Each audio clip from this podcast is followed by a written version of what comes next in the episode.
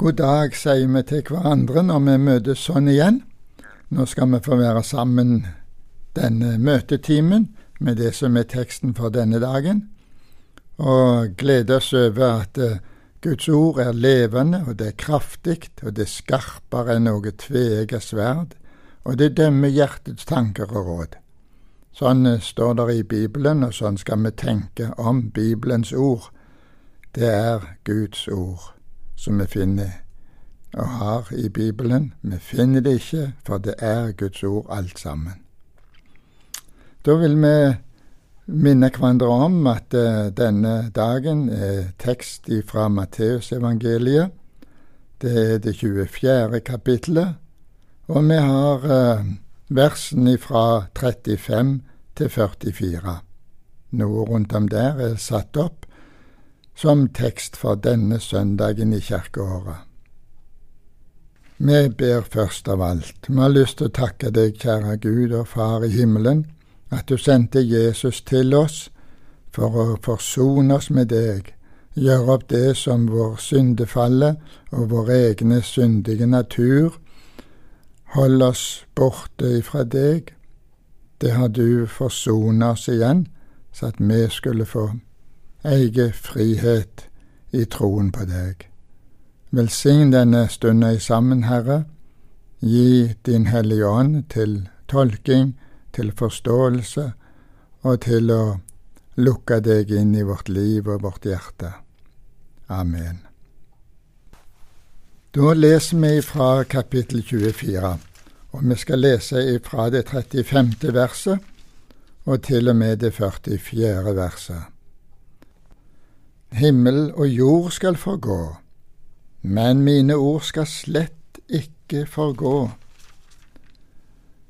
Men den dagen og timen kjenner ingen, ikke engang himlenes engler, men bare min far. Og som Noas dager var, slik skal menneskesønnen komme være. For like som de dagene før vannflommen åt og drakk, tok til lekte og ga til lekte helt til den dagen da Noah gikk inn i arken. Og de visste ikke av det før vannflommen kom og tok dem alle. Slik skal det også være når menneskesønnen kommer. Da skal to menn være ute på marken. Den ene blir tatt med, den andre blir latt tilbake. To kvinner skal male sammen på kvernen. Den ene blir tatt med, den andre blir latt tilbake. Våg derfor, for dere vet ikke hva dag Deres Herre kommer. Men det skjønner dere, at dersom husbonden visste hva for en nattevakt tyven kom i, så ville han våke og ikke la ham bryte inn i huset sitt. Vær derfor beredt, dere også, for menneskesønnen kommer i den time dere ikke tenker. Amen. Jesus har understreket sterkt i det foregående at timen han skal komme igjen, er utkjent for oss. Vi kjenner ikke den tiden, heller ikke Jesus selv kjenner den tiden, bare Far i himmelen. Det forstår vi av denne teksten og derfor blir vi så sterkt oppfordra til å holde oss våkne og ikke sløvne hen og sovne. Samtidig understreker han sterkt at det er noe som står fast. Himmel og jord skal forgå, men mine ord skal slett ikke forgå. Det kommer til å bestå og bli oppfylt, hva enn som skjer. Bibelens ord det levende ord består. Jesus sier at han kommer i en time som vi ikke tenker at han skal gjøre det. Han kommer like uventa som en tyv, og Skriften peker jo også på lignelsen med de ti brudepikene, står i kapittel 25 her i Matteusevangeliet. Og da står det om alle disse. De blei søvnige og de sovnet, alle sammen. Da ropet lød at brudgommen kommer, så kom de ganske uventa på dem også. Vi må spørre oss sjøl òg er vi våkne til å møte Herren når Han kommer. Og da vet vi altså ikke om vi kan sette ringeklokka på fem over eller ti på. Det er andre tider og kjennetegn på tiden før Jesus kommer, men det er ingen som står klar med si klokke. Den kommer uventa. Våkne er vi det? Det er på samme måte som det var på Noah sin tid, sier Jesus. De visste ikke av det før vannflommen kom, og så tok de alle. Noah han bygde båten, samla familien, samla dyr, alle dyreslag, par for par, og forkynte at Guds dom skulle komme. Men de ville ikke tro på han før flommen kom. Men da var det for seint. De fikk beskjed, men de brydde seg ikke om det. Og det er det alvorlige og det farlige også for oss i dag, det er at vi blir likegyldige. Tiden går, og vi venter og venter. Vi hørte det at alle ble søvnige og sovna. Også de troende sto i den faren i avslutningsfasen at vi blir sløve og likegyldige og overfladiske. Det var sånn det var på Noah sin tid òg. Det står der om, og det leste vi om. De folkene visste ikke av det før vannflommen kom, og tok dem alle. Det er det svære i dette, det at likegyldigheten holdt oss borte ifra å lytte til Guds ord. Det holdt oss borte fra å høre advarselen, og da var vi ikke klar når Jesus plutselig kommer. Så når han peker på disse folkene som hadde sett Noah, sett hans familie, sett hans arbeid, det stakk seg ut, det var ikke sånn som andre folk arbeidet uten videre, men det hadde altså det med seg at de ble trøtte. De ble ikke våkne til å være klar. Det er en farlig situasjon. Og mange de havner i likegyldighet og overfladiskhet. De fikk beskjeden, men de brydde seg ikke. Det er kanskje en av de største farene som vi står i som mennesker i dag. Vi bryr oss ikke om Gud. Etter hvert så vil vi heller ikke høre om Gud. Da blei det for seint for disse i den sammenheng som Jesus peker på det her. Da er det at han, han vil vi skal lære av denne hendelsen, at det plutselig og uventa så kommer Herren. Den som er født på ny, den som er blitt en troende på Jesus, den vil Jesus sørge for at den er klar den dagen han kommer. Men hvilken dag det er, det visste heller ikke Herren Jesus, men bare min Far i himmelen, står der. Dette sier oss det at forventningen vil ikke være særlig sterk hos Herrens venner heller, den siste tiden før han kom igjen. Der står om disse jomfruene vi leste i kapittel 25, de sovnet alle inn. Selv kristne vil bli preget av holdningene i verden. Det er liksom ikke naturlig å tenke på at Jesus en gang sa noe om at han ville komme igjen. Det kan du lese om i kapittel 10 i Johannes evangeliet også. Deres hjerte forferdes ikke. Tro på Gud og tro på meg. Det er kallet Jesus leder oss inn i. Dette uventede blir også beskrevet med eksemplene om disse to mennene som var ute på åkeren og arbeidet, og den ene ble igjen mens den andre ble tatt bort. Og sånn disse to kvinnene også. De malte på kvernen, begge to var sammen om det, og så er plutselig den ene borte, mens den andre blir igjen. Herren kommer. Herren skal hente sin brud, sine troende venner. Det skal han hente når dagen og timen er inne. men han er litt opptatt med å vise oss at det er tegn på hvordan kan vi forstå at det nærmer seg. Da sier han for det første her i teksten vår at det skal bli som det var i Lots dager. Lot han bodde i byen Sodoma. Livet der var løssluppent i Lots dager. Det var utskeielser og hor, det var utroskap, åpent lys, homoseksualitet. Og Herren så, står det om eh, Lots dager og lignende.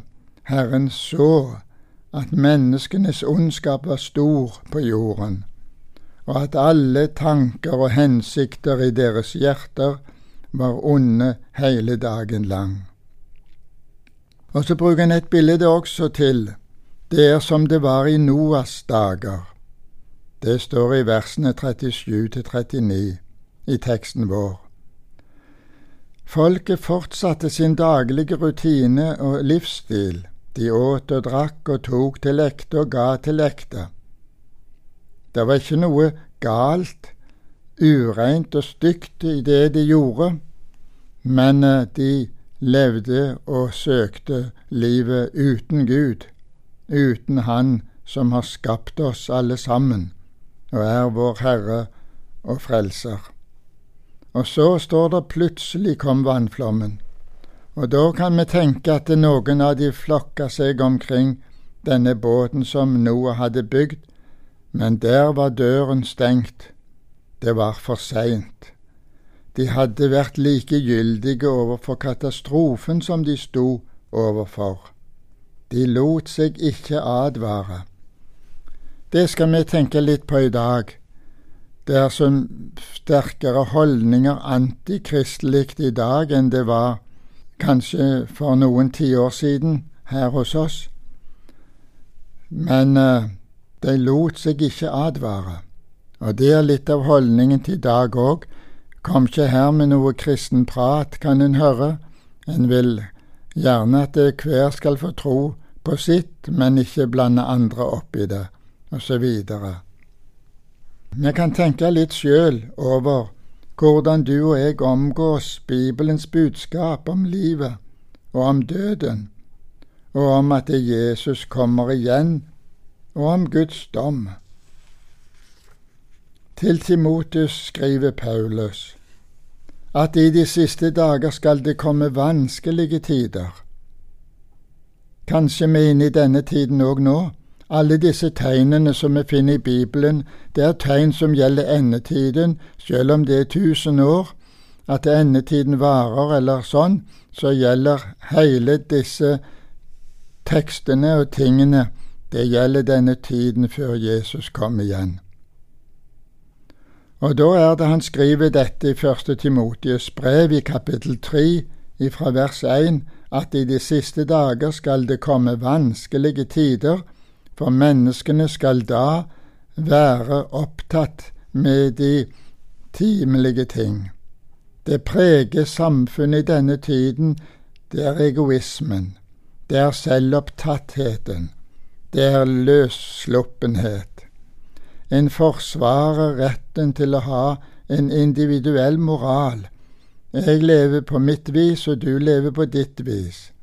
Der står her i tekstordet vårt at de elsker sine lyster høyere enn Gud. Det er en alvorlig fasit å få over livet. Du elsker lystene dine høyere enn Gud. Det er en forringelse og forakt av Guds ord og Guds helligdom i det hele. Peter sier noe òg på denne måten, men det er i kjærlighet apostelen skriver det. Han snakker om oppløsningen som blir omtalt som et tegn, oppløsning av samlivet og fellesskapet og det som en tror på og holder for retningsgivende. Vi kjenner igjen oppløsningskreftene. Helt opp i øverste politiske hold er det disse kreftene som får råde. Profeten Jeremia peker på en kraft i oppløsningen. Han sier det hos profeten Jeremia i kapittel 5. I det 31. verset så skriver han det slik Profetene profeterer løgn. Prestene styrer etter deres råd. Altså, de som har ansvaret for å fortelle hva som er rett og hva som er galt. De lyver. De styrer etter sitt eget forgodtbefinnende. Og så står det om folket som hører på disse og tar imot råd ifra disse, og så beskriver Herren det på den måten at mitt folk vil gjerne ha det slik. De vil gjerne lulles inn i å tenke og håpe at det der går nok over, og det er sånn og sånn. Men hva når enden kommer? For Israel endte det med at Herren ikke ville ta imot forbønn for folk engang. Tenk at det, det kan bli en slik harme hos Gud at han sier nå nytter det ikke med en forbønn. Jo da, vi skal se det, at det er alvor når Herren griper tak i livet vårt. De vakte en sånn en harme hos Gud at han sa til de, du skal ikke komme til meg og be til meg for dette folket, for jeg hører deg ikke. Og da er det fint å se også hos profeten Jonah, i kapittel tre, i det tiende verset der, så står det lite grann om at Herren hadde fordømte jo Ninive og ville straffe Ninive. Og når Ninive hørte budskapet som Jonah kom med, at Gud ville utslette byen, så vendte de om. De tok den veien som Gud ville alle skulle ta. De vendte om for å høre på Herren og høre Herren til. Og da sier profeten Jonah det at Herren så hvordan folket i Ninive de vendte seg om til sekk og aske, nær sagt de kledde seg i oppgjør og i bot og i bønn. Og da vendte Gud sitt hjerte om, sånn at han gjorde ikke det han hadde anklaga dem for. Når Gud så at folket vendte om, da vendte også Gud om. Han lot deg slippe straffen som han hadde tenkt, for at de de nå søkte Gud sånn som Gud hadde håpt og ønsket at de skulle gjøre. Det er en alvorlig situasjon for et folk å komme i og møte Gud som motstander.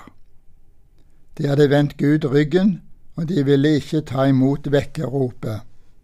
Kallet til å vende om og gjøre opp med Gud, det holdt de seg langt borte ifra. Jesus sier noe om tegn videre. Det er tegn i naturen og i folkelivet på at vi er i endetiden, og at det snart er Jesus her igjen. Og da står det i Lukas 21 det skal vise seg tegn i sol og måne og stjerner. På jorden skal folkene bli grepet av angst og fortvilelse når hav og brenninger bruser. Her trekker han fram dette som er tegn. Det er tegn på at Herren kommer snart. Det gjelder gjerne ikke akkurat i neste minutt, men det vet ikke du og jeg noe om. Vi må være klar. Det som skjer med mange i denne tiden, det er at de faller i avmakt og redsel og gru for det som skal komme over jorden. For at himlenes krefter skal rokkes. Da skal de se menneskesønnen komme i skyen med kraft og stor herlighet. Å beskrive det nøye, det får ikke vi til. Vi har ikke ord, og vi vet heller ikke hvordan det nøyaktig kommer til å se ut. Men, sier Herren videre, når dette begynner å skje, da rett dere opp, løft hodet, Resten av mennesker, de vantroende, de vil rope i angst og forskrekkelse og hvordan alt dette kan foregå. Men her sier Herren, løft hodet, for deres forløsning stunder til. Hold dette sammen med Lukas 21. Enda en situasjon peker Herren på som det skal skje når Han kommer. Det er disse to mennene som arbeider på marken, og de to kvinnene som maler på, sammen på kvernen. Plutselig er den ene vekke fra de. Er de i alle situasjoner klar til å møte Herren? Sånn måtte de tenke, og sånn skal du og jeg tenke, og så følger Herren opp her i vår tekst og sier våg derfor, for dere vet ikke hva dag deres Herre kommer. Vi kunne sette en stor overskrift over det vi har talt om. Våg derfor. Den trøst Herren gir til sine troende venner, er knytta til det å våke og det å vente på Herren. Grunnen til å løfte hodet er at vi venter Jesus. Jesus Guds lam som bar bort vår synd på sine skuldre, opp på treet ble de hengt sammen med Jesus. Det er sonet og gjort opp. Det er ikke våre prektige forberedelser og gode valg som er hovedsaken, med flotte bankinnskudd og arbeidsoppgaver og alle sånne fine ting og kloke økonomiske forvaltninger.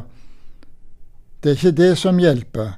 Det som hjelper, er at vi klynger oss til Herrens ord, som ikke skal forgå. Guds løfter holder. Det er ikke trygghet og trøst i noe annet som vi prøver å trøste oss med, enten vi er knyttet til andre religioner eller til humanisme, så har ikke noen av disse løfter om frelse fra Guds vrede og syndens lønn. Sånn skal vi tenke litt og se litt på det som skjer, og det som skal komme. Hver kristen skal også høre denne påminnelsen. Bildet med husbonden som ville våke dersom han visste hva dag tyven kom den skal vi tenke på. Den forteller meg og deg som er kristne, at vi også må våke. Vers 44 i vår tekst veldig tydelig på det. Vær derfor beredt. Nettopp fordi at du ikke vet helt og nøyaktig hva tid og stund, så merker vi oss der Jesu ordbruk. Våk hver tid og stund, og be at dere må bli holdt verdige, at dere får være født på ny, så dere kan unnfly alt dette som skal komme, og til å bli stående for menneskesønnen. Vi merker oss den måten Jesus sier dette på. Han sier hver tid og stund. Da må det menes kontinuerlig. Slik står det alltid en mann på post i en militærleir. Så skifter det med en ny mann på vakt etter den første, osv. Leiren har kontinuerlig vakthold. Slik skal vårt åndelige vakthold være. Vi skal spørre oss sjøl og gjerne hverandre er vi våkne. Det blir en underlig dag når Herren kommer. Han skal sende ut sine engler. De skal samle hans utvalgte. Det kan du se og lese litt om i første Tessalonika-brevet. I kapittel 4, vers 16-18. Vi leser de versene her, og så hører vi hva Herren selv skal gjøre. Der står i første Tessalonika-brev 4, fra vers 16, altså. For Herren sjøl skal komme ned fra himmelen med et bydende rop, med overengels røst og med Guds basun, og de døde i Kristus skal først oppstå. Vi merker oss også rekkefølgen i det som skal skje. Herren kommer ned fra himmelen med et bydende rop og med overengels røst og med Guds basun og de døde i Kristus skal først oppstå. Her går det jo an å tenke litt på de som er gått foran oss, de som har fått heimlov, som vi gjerne sier, eller som er forfremmet til herligheten. Deretter, når de er stått opp fra de døde, da skal vi som lever, og som er blitt tilbake, sammen med dem rykkes opp i skyer, opp i luften, for å møte Herren. Og så skal vi for alltid være sammen med Herren. Trøst da hverandre med disse ord. Det er noe som vi skal ta med oss i dette. Og da må vi gjerne sitere tekstordet igjen som vi har sitert før. Vær derfor beredt, dere også. Det er nesten som vil understreke det, at det er den som ikke er en troende, han kan ikke være beredt. Men dere også, dere som tror på Herren Jesus, vær beredt. For menneskesønnen kommer i den time dere ikke tenker. Og så så jeg litt på det der er et vers til som ikke er tatt med i oversikten vår, men vers 45 sier noe viktig til oss i denne sammenhengen. Der står det hvem er da den tro og kloke tjener som Hans Herre har satt over tjenestefolkene sine, for at han skal gi dem mat i rett tid? Hvem er da den tro og kloke tjener? Det er disse som er i tjenesten i Guds rike. Den tjenesten å gi andre i huset mat i rett tid det må være alle de som på en eller annen måte deler ut Guds ord, enten de nå er prester og predikanter, eller de er vanlige lekfolk som ut ifra sin alminnelige hverdag omgås Guds ord og omgås mennesker med det. Jesus rører ved noe viktig for oss i denne sammenheng. Hvordan skal jeg bruke denne tiden framover mot Hans komme? Hvordan skal jeg leve mens jeg våker og venter? Skal jeg stirre urolig og intenst fram mot Herrens dag og håpe at jeg er våken i rette øyeblikk? Skal jeg vente på en dato? Jesus peker på en annen vei.